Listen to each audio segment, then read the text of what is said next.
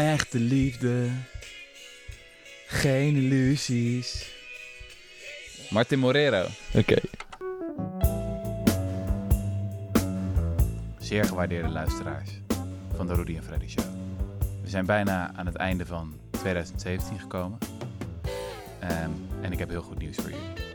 Na een lange, lange afwezigheid, na een heftige en moeilijke periode voor mij en voor jullie, is hij er weer. Nou, het was ook niet makkelijk voor mij. Jessie, daar ben je weer. Ja, eh, hallo. Hoe is hij dan? Hallo. Ja, goed. Gaat hij het gaat nu wel weer goed, ja. ja, gaat hij lekker? Ja. Ik zat er even een beetje doorheen, hè? Ja, ja. Maar eh, nee, ik ben... Even, eh, even een pauzetje genomen, vakantietje gepakt. Ja, Ik begreep dat je ook een, eh, een klein stuwmeertje aan, aan, aan vrije dagen nog had. ja, dat klopt. En ik begreep ook dat je laatst een lezing hebt ge- gegeven voor een obscuur clubje. Ja, ja, En ja. daar zat ook nog wel wat tijd in, toch? Een, een, een, een, een, een steeds kleiner wordend clubje ook. Ja. Ja, ja. Zullen we daar even over beginnen dan? Eh, ja, dat is goed. Oké, het was afgelopen maandag. We zaten in De Rode Hoed in Amsterdam. Dat is echt een beetje het centrum van de secte, zou ik zeggen. Er Ja. zijn ook van die bijeenkomsten in Amsterdam. Dat als je dan een aanslag pleegt, dat het dan gewoon nog maandenlang stil is bij DWDD. Omdat ze dan niet weten wie ze moeten uitnodigen. Maar dat geheel terzijde. In ieder geval, jij sprak daar de DNL-lezing uit. Ja, Wat is dat? dat is... eh, nou ja, wat is de DNL-lezing? Ja, het is voor, voor, voor eh, volgens mij, nou ja, ten voor DNL, Joop DNL, Joop DNL. onze Ooit, kameraad. die ging, die ging dood. En toen hebben ze een lezing naar hem vernoemd. En Mhm. daar komen dan allerlei eh PvdA, sociaal-democratische mastodonten... die mogen daar een lezing doen. Mhm, Maar dat ging niet zo goed de afgelopen jaren. mhm. Die werden ook steeds saaier, eigenlijk, die lezingen, heb ik begrepen. Op een gegeven moment toen kwam eh, Jan Pronk, die kwam daar. En die had, dat vertelde, vertelde, oh, dan mag ik helemaal, nou, fuck it. Die had, die had toen, die kwam daar aanzetten met 80 kantjes, 80 A4'tjes. En iedereen had een beetje het idee van, ja, wanneer houdt dit nou op? Ja. Die man die zat gewoon 2,5 uur lang gewoon, zeg maar, Castro-achtige lengte zat hij te oreren over wat er allemaal met de derde wereld moest gebeuren. Nou ja, goed, dat was de Daniel-lezing een beetje geworden. En ze hadden het vorig jaar ook niet meer gedaan of zo. En de bekendste DNL-lezing? Ja, dat was van Wim Kok. En die, eh, de- toen, eh, toen ging hij eh, vertellen van, dat het zo fijn was dat de PvdA zijn ideologische veren had afgeschud. En dat hij nu, eh, nou ja, dat, dat haalt iedereen altijd nog Ja, aan. Waar ik heb ver- 1995. 1995. Ik heb begrepen van andere tijden dat hij dat ook echt op de zondag voor die lezing nog dacht. Nou, even dit erin schrijven. Ja, ja, ja. Op Maar- aanraden van Nelly Kroes. Ja, ja. van de VVD en Nele Kroes, ja. Vrij fascinerend. Ik heb die lezing dus zitten lezen van Wim Kok. Ik dacht, eh Jessie gaat de DNL-lezing geven. Dan ben ik wel nieuwsgierig naar andere DNL-lezingen. Nou, ik kan iedereen adviseren, als je ooit niet in slaap komt, weet je misschien dat je daar problemen mee hebt, ga niet aan de pillen. Pak gewoon een paar DNL-lezingen bij. En met name die van Wim Kok in 95. Het is zo dodelijk saai. Het is echt niet te doen gewoon. En dan eventjes dat van die ideologische veren. Maar het hangt aan elkaar van niet-zeggendheid. Ja, ja, ja, ja, ja. Ja, nee, ik, eh, ik moet zeggen, ik moest ook voor die Danel-lezing, wilden ze heel graag dat ik iets van Danel erin zou doen. Mhm. Ik vind die man dus ook echt dodelijk saai. Als je dat leest, dat is gewoon Ja. echt van dat ambtelijke, ambtelijke proza van... eh, ja, het is, wel, het, het, het is wel vriendelijk wat hij wil, Mhm. maar het is gewoon niet leesbaar. Dat is En- niet met de zwarte vlag. Nee, het is niet met de zwarte vlag. Hij is leuker als je dan zo'n eh, zo'n documentaire ziet of zo. Oh, ja. Maar het is, het is gewoon niet quotebaar of zo. Nee, het, is niet precies. zo het is niet zo lekker. Maar eh, ja, was leuk. Wat vond jij ervan? Nou, ik vond het, ik vond het vrij episch. Ja? Ik zat op de tweede rij eh, als een hysterisch te klappen natuurlijk. Ehm, maar het is natuurlijk een beetje de combinatie geweest van een jaar aan Jij, jij, be- onderzoek. jij begon ook die staande ovatie toen, zag ik. hè? Nee, dat is echt niet waar. Dat is echt niet waar. Er waren andere mensen achter mij. Oké, Toen dacht ik, ja, nu durf ik ook wel. Maar in ieder geval, eh, het is een jaar aan onderzoek naar de schuldenindustrie. En dat wordt dan allemaal in één zo'n lezing gepropt. En wat ik heel goed vond, is dat je ehm, hele concrete voorbeelden had van mensen die compleet kapot worden gemaakt in de bijstand of in de schuldenindustrie. En vervolgens laat zien wat voor mechanismes daarachter zitten Mhm. van hoe dat eigenlijk symbool staat voor wat er voortdurend gebeurt. Dus ehm, het is heel moeilijk om je recht te halen. Hoe, meer, hoe minder bureaucratie je kan hebben, hoe armer je bent, hoe meer bureaucratie er over je heen wordt gestort. Mhm. Eh, als je iets fout doet, dan komt het recht supersnel naar je toe. En dan beboeten ze je, dan sluiten ze je op, et cetera, et Gaan ze vanuit dat je slecht bent? Ja, en verder hebben we in Nederland een soort van web van allerlei verschillende instituties die allemaal deelprobleempjes proberen op te lossen. Mhm. Maar de echte oorzaken, die worden niet, die worden niet gepakt. Ja, ja, ja, ja. Dus dat vond ik wel een vrij eh, scherpe analyse, moet ik zeggen. ja, Eh, ja. En dat is ook wel leuk dat je dan allerlei verschillende inzichten terug ziet komen, waar we het ook in de podcast eerder over hebben. Ja, ik zat wel te denken toen ik het zo teruglas van nou, die mensen die hier de podcast luisteren, die zullen volgens mij niet zoveel nieuws horen of zo. Ik heb al die voorbeelden hier alles Mhm. genoemd. Mhm. Maar eh, ja, blij dat het wel gelukt is. Het was wel echt totale panische aangelegenheid. Kijk, u moet weten, Mhm. luisteraars, ehm, dat eh, zeg maar met die, op een gegeven moment, ik was met die, heel die schuldencampagne bezig. Ja. En toen in die week, toen werd het me even iets te veel allemaal. Want Wat ik had dan? gewoon te hard gewerkt. Mhm. En toen werd stress, werd normaal is stress voor mij iets wat gewoon wel productief maakt of zo. Mhm. Maar nu was het in één keer totale panische, ik, verlam, vlammende stress, zeg maar. En dat had ik hier bij die lezing ook weer een beetje van, verdomme, dan sta ik daar die 18e. En ik heb er geen idee wat ik ga zeggen. En ik heb hier, ik heb 12.000 woorden aan, aan, aan een halve verhalen. En ik weet bij god niet hoe dit allemaal in elkaar past. Maar opeens stond het er. En toen, eh, dus dan ben ik wel heel blij omdat het toch nog coherent is geworden of zo. Mhm. Je denkt al bijna, ik heb zoveel bomen dat eigenlijk, hoe, hoe ga je hier nog een bos van maken? Ja, zeg maar. precies. Ja. Nou, dat is gelukt. Wat, eh, wat zijn de reacties geweest? Heb je veel, veel van PvdA'ers gehoord? Heb je nog van Lodewijk Asscher en dat soort eh, types Ja, die stuurde wel een appje. Een appje, kijk. Even kijken hoor. Op mijn appjes reageert hij nooit. Eh, hij kon er niet bij zijn, maar hij vond het een mooi verhaal. Hij vond het pijnlijk, hij vond het schrijnend en hij vond het buitengewoon urgent. Maar nou, dan hoop je dat ze er ook iets mee gaan doen. Maar heel veel, ik weet je wat ik leuk vind eigenlijk, dat het niet alleen, eigenlijk ja, ik ga het dan heel erg insteken van, eh, dit moet de PvdA anders doen, want ja, je wordt gevraagd door de PvdA om zo'n lezing te houden. Ja, precies. Maar ja, het gaat eigenlijk over veel meer. Het gaat gewoon over hoe we het hebben georganiseerd, heel die verzorgingsstaat. En dat het gewoon niet meer werkt voor heel veel mensen. En dat hoeft niet per se alleen de PvdA zich aan te trekken natuurlijk. Mhm. En dat vind ik ook goed om te zien dat dan, zeg maar... Ik kreeg ook een hele fijne reactie van een CDA-kamerlid bijvoorbeeld. Wie is dat? eh, René Peters. Geweldige vent overigens. Eh, en eh, die, nou ja, die, vond, was, die vond het ook echt een, die vond het ook een sterk verhaal. 50-plus Kamerlid, weet je. Het gaat, zeg maar, niet alleen, zeg maar, Oh. dat het valt bij links of zo. Toch wonderlijk aan het CDA, hè? Dat ze dan... In de top hebben ze zo'n afschuwelijke partijlijn... met zo'n Buma die echt volledig de weg kwijt is... maar dan af en toe wel zo'n Kamerlid... Ja, maar dat is toch... Of, eh, of zo'n figuur dan... die dan wel kennis van zaken heeft. Ja, ja, ja. Maar volgens mij is dat best wel... Maar ja, ik weet niet zoveel van eh, politieke journalistiek of zo. Maar volgens mij is het best wel een verhaal dat die economisch best wel ehm, naar links aan het trekken zijn of zo. Ik vind het lokaal-nationaal verschil ook heel groot. Ja, klopt. Dus ik was laatst nog op een avond in Hardenberg, eh of all places. En dat was een avond over het basisinkomen en we willen daarmee gaan experimenteren of basiszekerheid of hoe je het ook wil noemen. Mhm. Want wat we nu doen werkt in ieder geval niet. En die wethouder zat vol met voorbeelden van rampzalige bureaucratie en zo. Mhm. Eh, en die, die avond was georganiseerd, eh, met name door het CDA. Eh, die was echt de drijvende kracht en die zat helemaal hysterisch te twitteren over, eh, over hoe geweldig het allemaal was. Ja, ja, ja. Eh, dus het is heel grappig dat je die, die kloof ziet. Dus, Maar het is eigenlijk ook weer gewoon terug naar hun roots, hè? Want al die, nou ja, in die heel die lezing van mij ga, haal ik heel vaak Marga Klompé aan. Die was Mhm. van de KVP, Katholieke Oh, ja, ja, dat is Volkspartij. natuurlijk de voorganger van. Ja, Ja, Christendemocraat. En die heeft, die heeft bijvoorbeeld de Algemene Bijstandswet aangenomen. En daarin is gewoon, nou ja, eh, gewoon gezegd van dit is gewoon eigenlijk een onvoorwaardelijk recht op inkomen, wat iedereen zou moeten hebben. Ja. En eh, bijna geen verplichtingen eraan gehangen. Ehm, nou ja, ook e- expliciet gezegd, dit, dit- is een recht, dit is niet een vorm van barmhartigheid. Mhm. Nou, dat zou, dat zou nu zeg maar de, de linkervleugel van de PvdA zijn, eh, zo iemand. Dus Is zij ook van die quote van je moet wetten maken voor de 99% die het beste met de rest van de wereld voor heeft en niet voor de 1% van fraudeurs? Ja, precies. Dus dat is heel grappig. Hè? Dus dat, en, en het leuke is dat die, die quote gaf ze zeg maar 20, 30 jaar nadat die algemene bijstandswet was, eh, was aangenomen. En toen begon al een beetje dat begin jaren 90 dat gevoel te komen van nou, er zijn toch wel erg veel mensen die misbruik maken van dit Mhm. soort eh, regelingen. Toen zijn ook heel veel van die wetten gemaakt om wat misbruik tegen te gaan, bijstandsfraude en zo. Mhm. En toen vroegen ze haar in dat interview van ja, de- heb je nu niet spijt van hoe je dit hebt ingeregeld, zeg maar, die algemene bijstandswet, dat het zo makkelijk is om te krijgen. Toen zei ze, nou nee, want ik vind eigenlijk dat we dat gewoon, we hebben het dan over de 1% van mensen die fraudeert. Ik vind niet dat je de 99% mag aandoen eh, dat je hun ook gaat behandelen alsof ze een fraudeur zouden zijn. ja, ja, ja. Nou, dat vind, ik, dat vind ik echt een ijzersterk sentiment eigenlijk.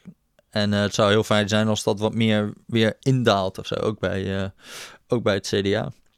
Zijn er nog andere hoopvolle tekenen? Ehm, je, je vertelde iets over, wat was nou die wet met die zorgverzekeringen? Ja, ja, ja. ja nou ja, ik heb natuurlijk dat hele schuldvrij ding gedaan met alle Mhm. schulden. eh, dingen. En dat begint nu ook gewoon. Nu zijn al die begrotingsbehandelingen. Dus eh, voor de zorg en voor sociale zaak. Sociale zaak weet ik nog niet wat er allemaal uitkomt. Maar er worden ook wat moties ingediend die heel erg lijken op wat wij voorstelden. Mhm. En maar voor, voor zeg maar bij de zorg was al een motie aangenomen over. Nou, we hebben dus als jij zes maanden je zorgverzekering niet betaalt, dan moet je een kwart extra betalen. Dus je kan al niet betalen. Nou, dan gaan we je ook nog eens beboeten daarvoor. Ehm, dus eh, je moet 100 euro betalen, wordt 125. dat wordt 125 euro, ja, omdat je niet betaalt. Nou, daar zitten dus 200.000 mensen in Nederland, die zitten daar al meer dan twee jaar in. Die moeten al meer dan twee jaar 25% extra betalen. Dus wat mij betreft doen we heel die regeling weg. Maar goed, dat is dan politiek onhaalbaar vooralsnog. Maar nu is een motie aangenomen, waardoor mensen die onder bewind komen automatisch kunnen uitstromen. Klinkt een beetje technisch, maar het komt erop neer dat toch enkele tienduizenden mensen eh, die regeling uit kunnen stromen. Hm. En eh, nou ja, we moeten elk succes vieren, denk Ja, ik. dus dat Maar als wij, als, wij, als, wij, als wij het voor elkaar krijgen dat, dat er zeg maar enkele tienduizenden mensen die regeling uit zijn gekomen. En dit is iets wat ik aan haar had voorgesteld. Van je moet dit indienen als motie. Hm. Nou, dat is, dat is toch super mooi. Dat is wel lekker, ja. Ja. En, nu, en nu krijgen we ook bij sociale zaken, zag ik al dat, dat ze ook eh, allemaal over het Zweeds model hadden en zo. Dus wat, ik, wat wij ook voorstelden met schuldvrij, van dat je veel meer samenhang hebt. Dus dat de deurwaarder en de schuldhulpverlener, schuldsanering allemaal samenwerken. Mhm. En niet als aparte eilandjes opereren. Nou, dat werd ook allemaal gezegd tijdens die eh, begrotingsbehandeling. Dus beginnen, en ik hoorde dus achter de scherm ook dat ze daar ook bij sociale zaken een onderzoek naar zijn begonnen. Ja? Dat, ze, dat eh, Zweedse model. een mooi voorbeeld, hè? Dat echt de verandering niet begint in de Kamer of in Den Haag. Maar dat zij ook gewoon ja, hun oren te luisteren leggen voor nieuwe ideeën. Maar ja, als die nieuwe ideeën niet komen, dan moet je ook niet, gast, moet je ook niet gaan mopperen op Den Haag dat ze ze niet hebben. Het is zo makkelijk eigenlijk. Nou ja, makkelijk. Wat, ja, ik bedoel, niet iedereen heeft de luxe dat ze dan bij de correspondent werken. En met Sarah en Esther, die ook een enorm platform hebben of zo. Maar uiteindelijk is dit qua organisatie gewoon een WhatsApp-groepje. Ja, En eh, we hebben wel veel tijd erin gestoken of zo. Maar het zijn drie, vier mensen. ja. En eh, ja, eh, ik ben toch wel echt best wel blij met hoeveel je dan al, zeg maar, kan gaan veranderen. Ja, en het is misschien ook wel juist op een moment dat mensen beseffen dat de crisis vrij diep is.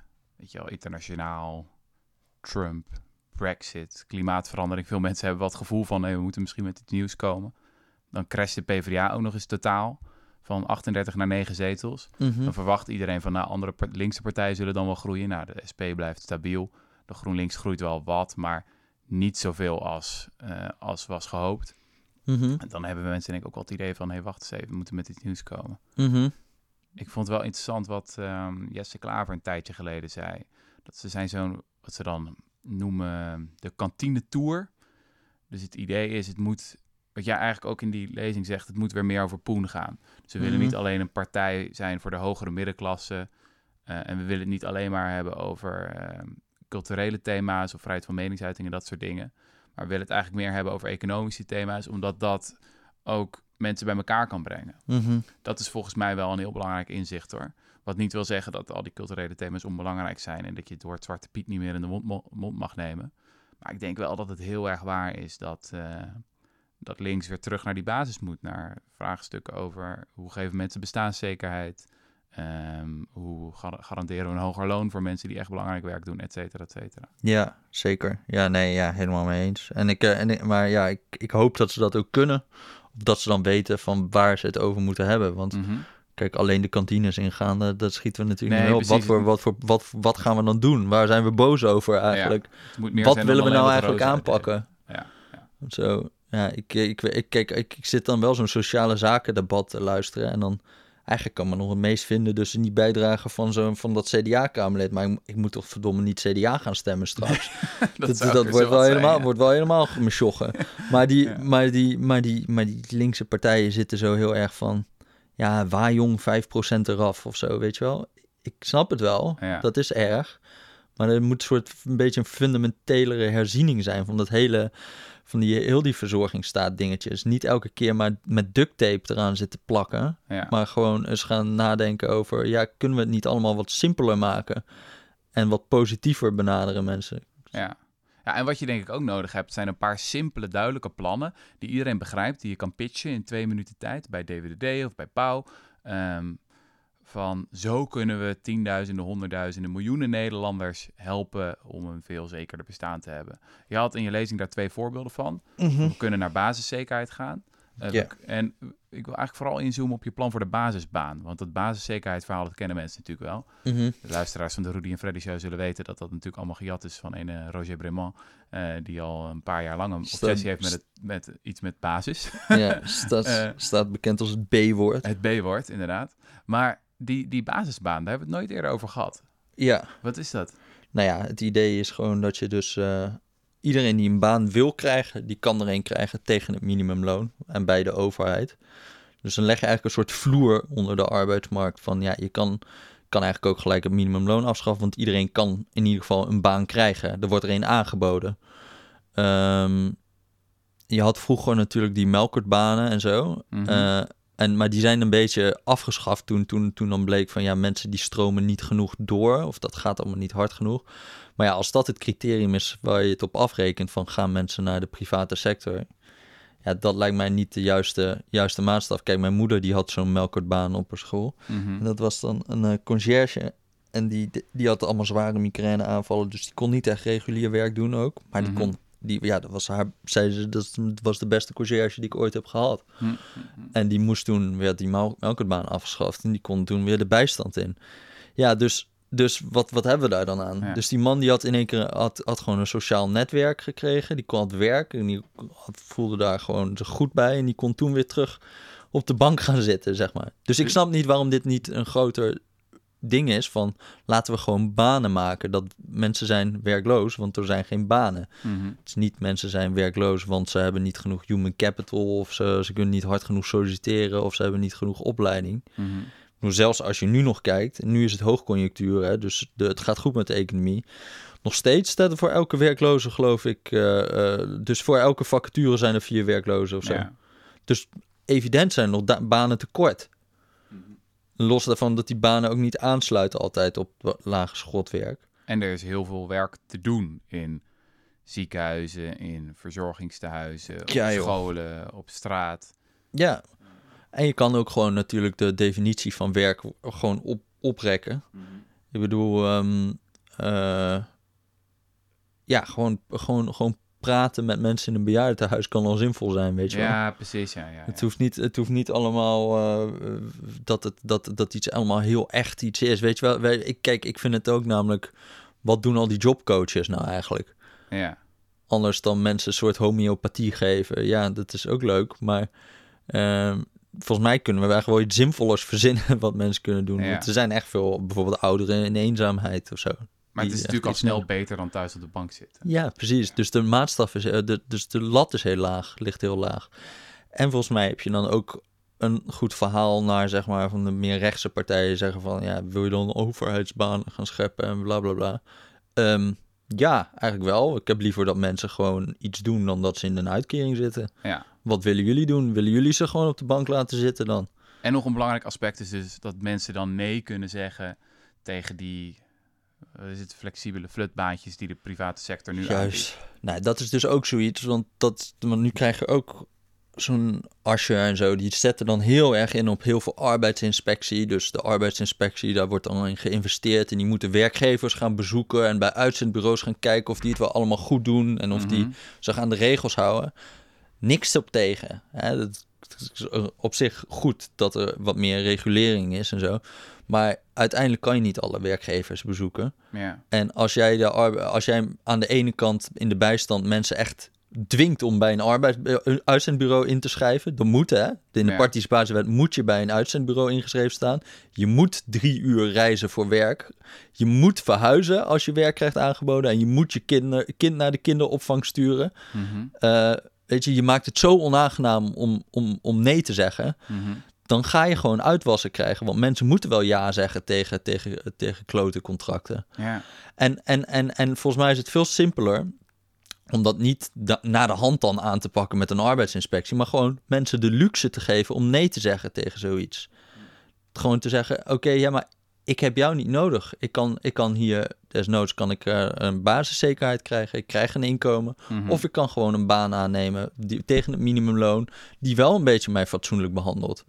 En dan leg je de druk ook bij, neer bij zo'n werkgever om te denken: oké, nou, niemand wil dus dit werk meer. Niemand wil meer schoonmaker zijn op de, bij de NS als, eh, als wij zulke shitvoorwaarden hebben.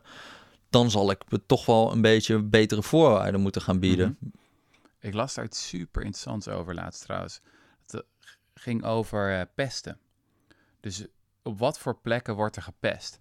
En eh, deze auteur die, die liet zien van de plekken waar het meest gepest wordt, dat zijn wat hij noemt totale instituties. Wat zijn totale instituties? Dat zijn plekken waar je niet weg kan.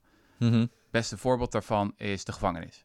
Ja, Eh, daar wordt veel gepest. Waarom? Ja, je zit opgesloten, dus je kan niet weg. ja, ja. En daar ontstaat blijkbaar een bepaalde sociale dy- dynamiek, waar mensen ook nog eens als kinderen worden behandeld, wat, wat ook niet altijd best is.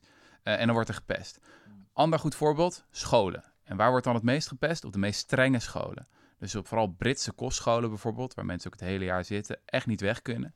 Daar wordt het meest gepest. Als je veel vrijere scholen hebt, waar ik voor een tijdje geleden over schreef, die school Agora in, ehm, in Limburg, ja, waar kinderen in en uit kunnen lopen, daar wordt eigenlijk niet gepest, omdat Mhm. mensen die exit-optie hebben. Mhm. Zodra er een vervelende sociale situatie is of zo, en ze ze kunnen gewoon weg. Ze zitten ook in, in veel, hoe zeg je dat, klassen die ademen, lokalen die ademen. Je kan zo, je kan altijd weg.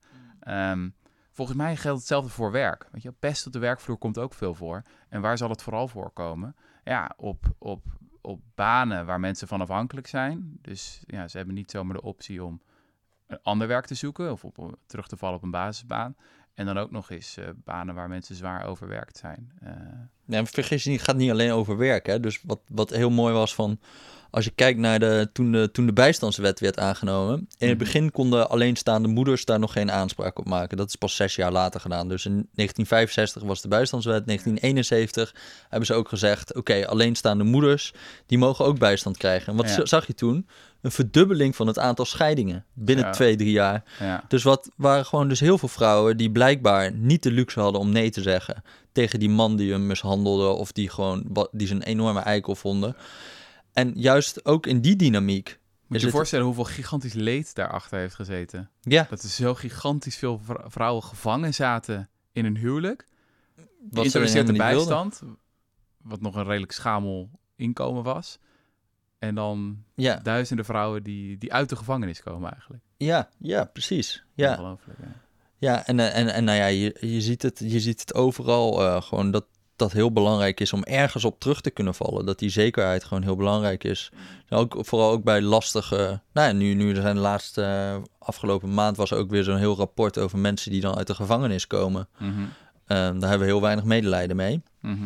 Maar die zadelen dus op al gelijk met een levensstijl die hun eigenlijk weer, zeg maar, de gevangenis in leidt. Ja, Want eh, je, het is heel moeilijk om een bijstandsuitkering te krijgen. Je krijgt geen werk, je zit met schulden, maar die zijn niet te saneren. Omdat, we dus, eh, omdat dat heel vaak fraudeschulden zijn of eh, opgelegde straffen. Dat doen we steeds meer in geld. En die mensen die komen daar gewoon niet meer uit, uit die levensstijl, Ja, zeg maar. ja, En omdat als je, als je die mensen ook gewoon weer een nieuwe kans geeft en meer bestaanszekerheid, volgens mij los je zoveel maatschappelijke problemen zullen, zeg maar, een beetje verdampen. mhm. En dan kunnen we achteraf kunnen we dan ni- niet meer begrijpen waarom we er zo moeilijk over deden. ja.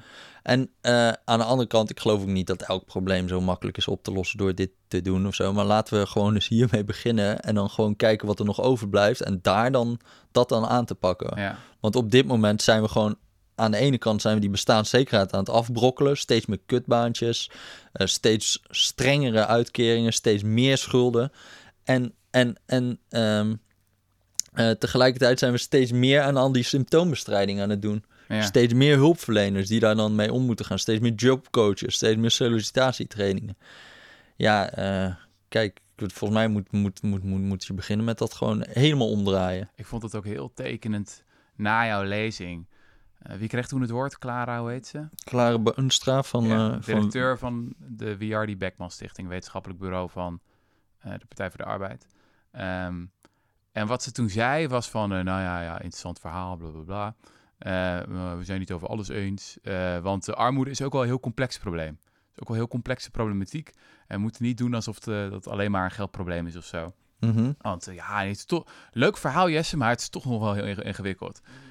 En toen, eh, nou ja, ik ik ken heb mij als een lieve jongen, maar ik werd daar lichtelijk agressief van. Want ik dacht, ehm, ja, het is een complex probleem geworden, weet je wel. Maar aanvankelijk heb je het over mensen die vrij simpele problemen hebben. Schulden die ze niet kunnen afbetalen. En vervolgens hebben wij een hele machinerie die over hen heen raast. Ja, en dan aan het eind van de rit zijn ze ook depressief. En hebben ze ook een posttraumatische stressstoornis. En Ja. ja, zitten hun kinderen in de jeugdzorg, et cetera, et cetera, et cetera. Maar die waren aan het begin nog niet. Het was ooit vrij complex voordat de overheid ze kapot heeft gemaakt. Ja, Of ja, eh, ja, ja. simpel, sorry. Ja, ja, ja. Nou ja, en ik, ik hoef ook niet... Ik, kijk, ik snap waar ze vandaan komt. Je hoeft ook niet naïef te zijn. Ik kom ook zo... Je komt ook heel veel mensen tegen die echt veel problemen hebben. Mhm. En, eh, maar wat ik gewoon denk... dat probleem gaat zich nooit oplossen... als je ze geen zekerheid geeft. Ja.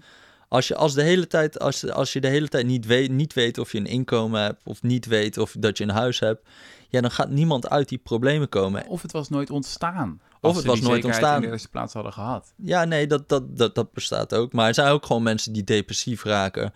Die, eh, of die een psychose raken. Kijk, je, je komt ook wel gewoon extreme gevallen Tuurlijk, tegen ja. natuurlijk. Maar ook zelfs bij, bij hen...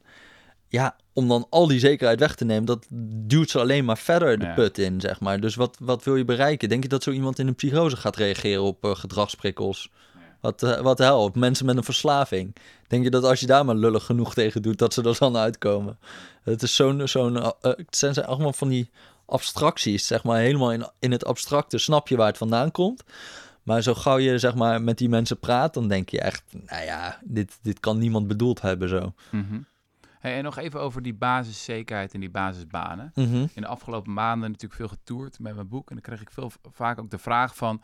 Ja, Rutger, eh, leuk idee. Eh, je kan natuurlijk mensen geld geven. Maar kunnen we ze niet beter gewoon een baan geven? Mhm. En mijn antwoord was dan altijd van... Ja, nou, het leuke aan geld is dat mensen zelf kunnen besluiten waar ze het aan besteden. En ik vertrouw veel meer op eh, de individuele vrijheid en de beslissingen die mensen op lokaal niveau nemen, dan waar het je staat die gaat bepalen, jij moet dit werk doen, jij moet dat werk doen. Dus dat was altijd mijn antwoord. Maar jouw lezing deed me ook realiseren van, volgens mij hoeft het een het andere helemaal niet uit te sluiten, toch? Je kan Nee. mensen gewoon iedereen basiszekerheid verschaffen. Mhm. En je kan tegelijkertijd basisbanen aanbieden die mensen vrijwillig, als ze willen, weet je, ze worden niet in gedwongen, maar die kan je gewoon aanbieden eh, om ook die vloer in de arbeidsmarkt te leggen. Ja.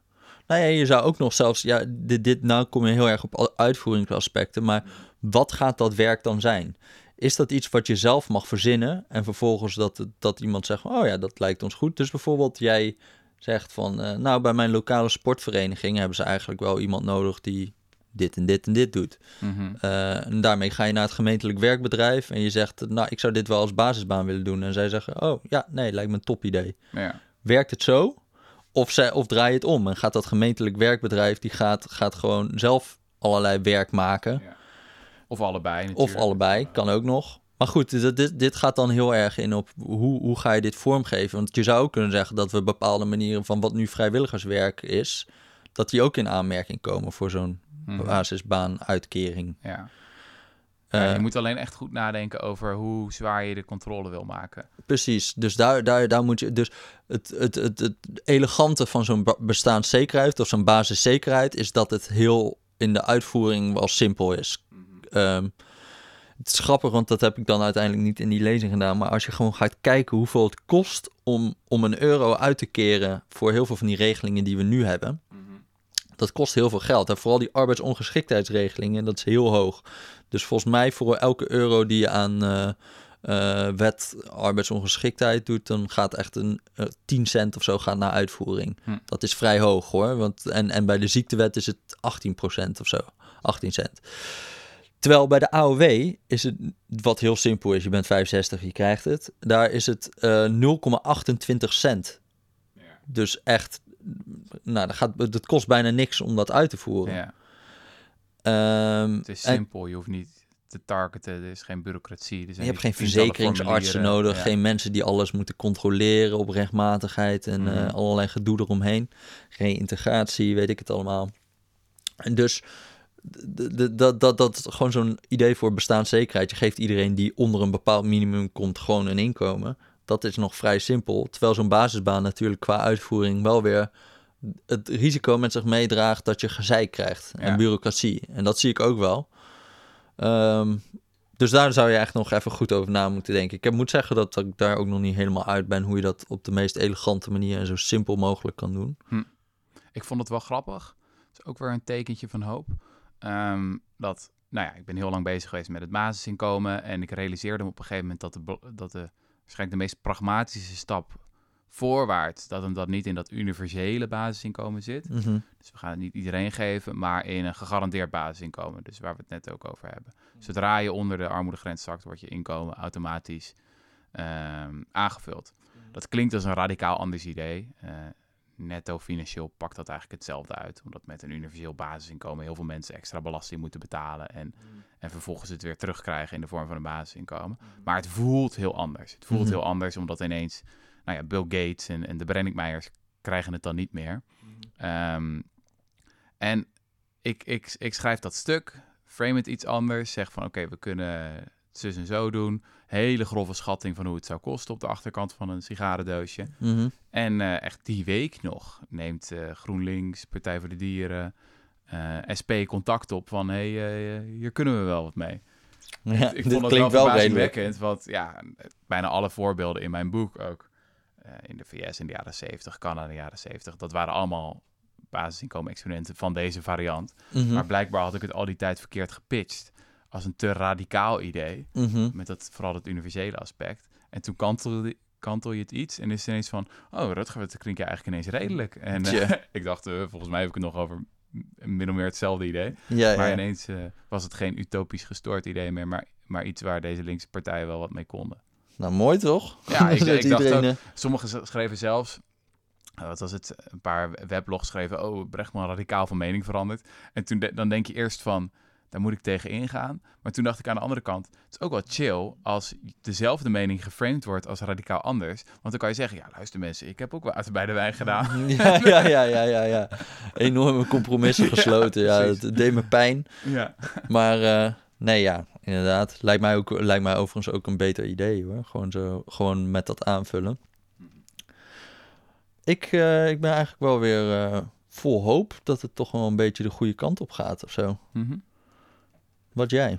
Ja, ik had wel eh, tijdens zo'n, na zo'n lezing dacht ik van, nou, dit is wel echt een, eh, een tik die is uitgedeeld. Maar vooral de, de ontvangst, dat, dat stemt vooral hoopvol. Dat zoveel mensen zeggen van, eh, daar ben ik mee eens. Herman Cenk Willink, ook zo'n Mhm. PvdA-bobo die nu min of Nou meer ja, de partijvoorzitter van PvdA, die kwam, die kwam ook nog naar me toe. Die was ook helemaal enthousiast. uitstraalde. Ik denk alleen dat het wel pijn doet bij al die, al die nou ja, wie had er nog meer in het publiek? Jet Bussemaker en zo. Ja, De, die Ja, die zei zat overigens ook dat ze het leuk eh, vond, maar ja, dat zal toch wel, toch, toch wel niet zo leuk zijn om het allemaal te horen dat ik dan... omdat Het zelf in het kabinet zat. Ja, het precies. gebeurde, ja. Dus, dus Ja. al die Maar lokaal, eh, wat ik ook al vaker eh, hier in de podcast heb gezegd, lokaal zijn al die PvdA'ers, die zijn ook gewoon van, ja, die, die vinden dit ook helemaal. Nou ja. Dus volgens mij al die lokale politiek is gewoon, daar, daar, daar gebeurt gewoon heel veel. Dus ik ben, eh nou ja, maart gemeenteraadsverkiezingen. Ja, ja.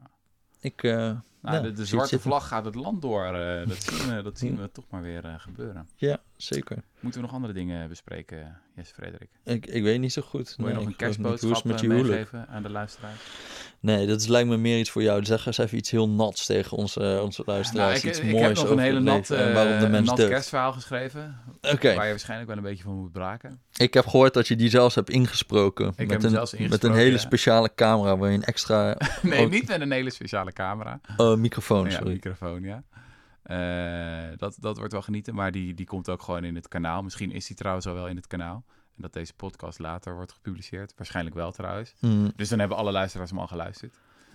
Eh, dat ze hun tranen nog moeten wegvegen uit hun, eh, uit hun ogen. Het zou zomaar kunnen. Ja. Eh, in ieder geval, namens de Rudy en Freddy Show, namens Jesse Frederik, ja. Roger Bremant en vooral ook onze podcastmaakster Romane Rodriguez, wensen wij jullie, lieve luisteraars, fantastische feestdagen en een gelukkig nieuwjaar. ja. Eh, wij gaan graag weer volgend jaar met jullie, eh, met de zwarte vlag in de hand, tegen het groot kapitaal tekeer. Jezus. Eh, toch? Nou, dit, werd, dit ging even een afslag af die ik even niet had verwacht. En Moet ik even ontwaakt verworpen naar de aarde? ja. Ja. zet even de internationale nog op. Ja. En we zeggen toedeledokie. Do, yo, yo.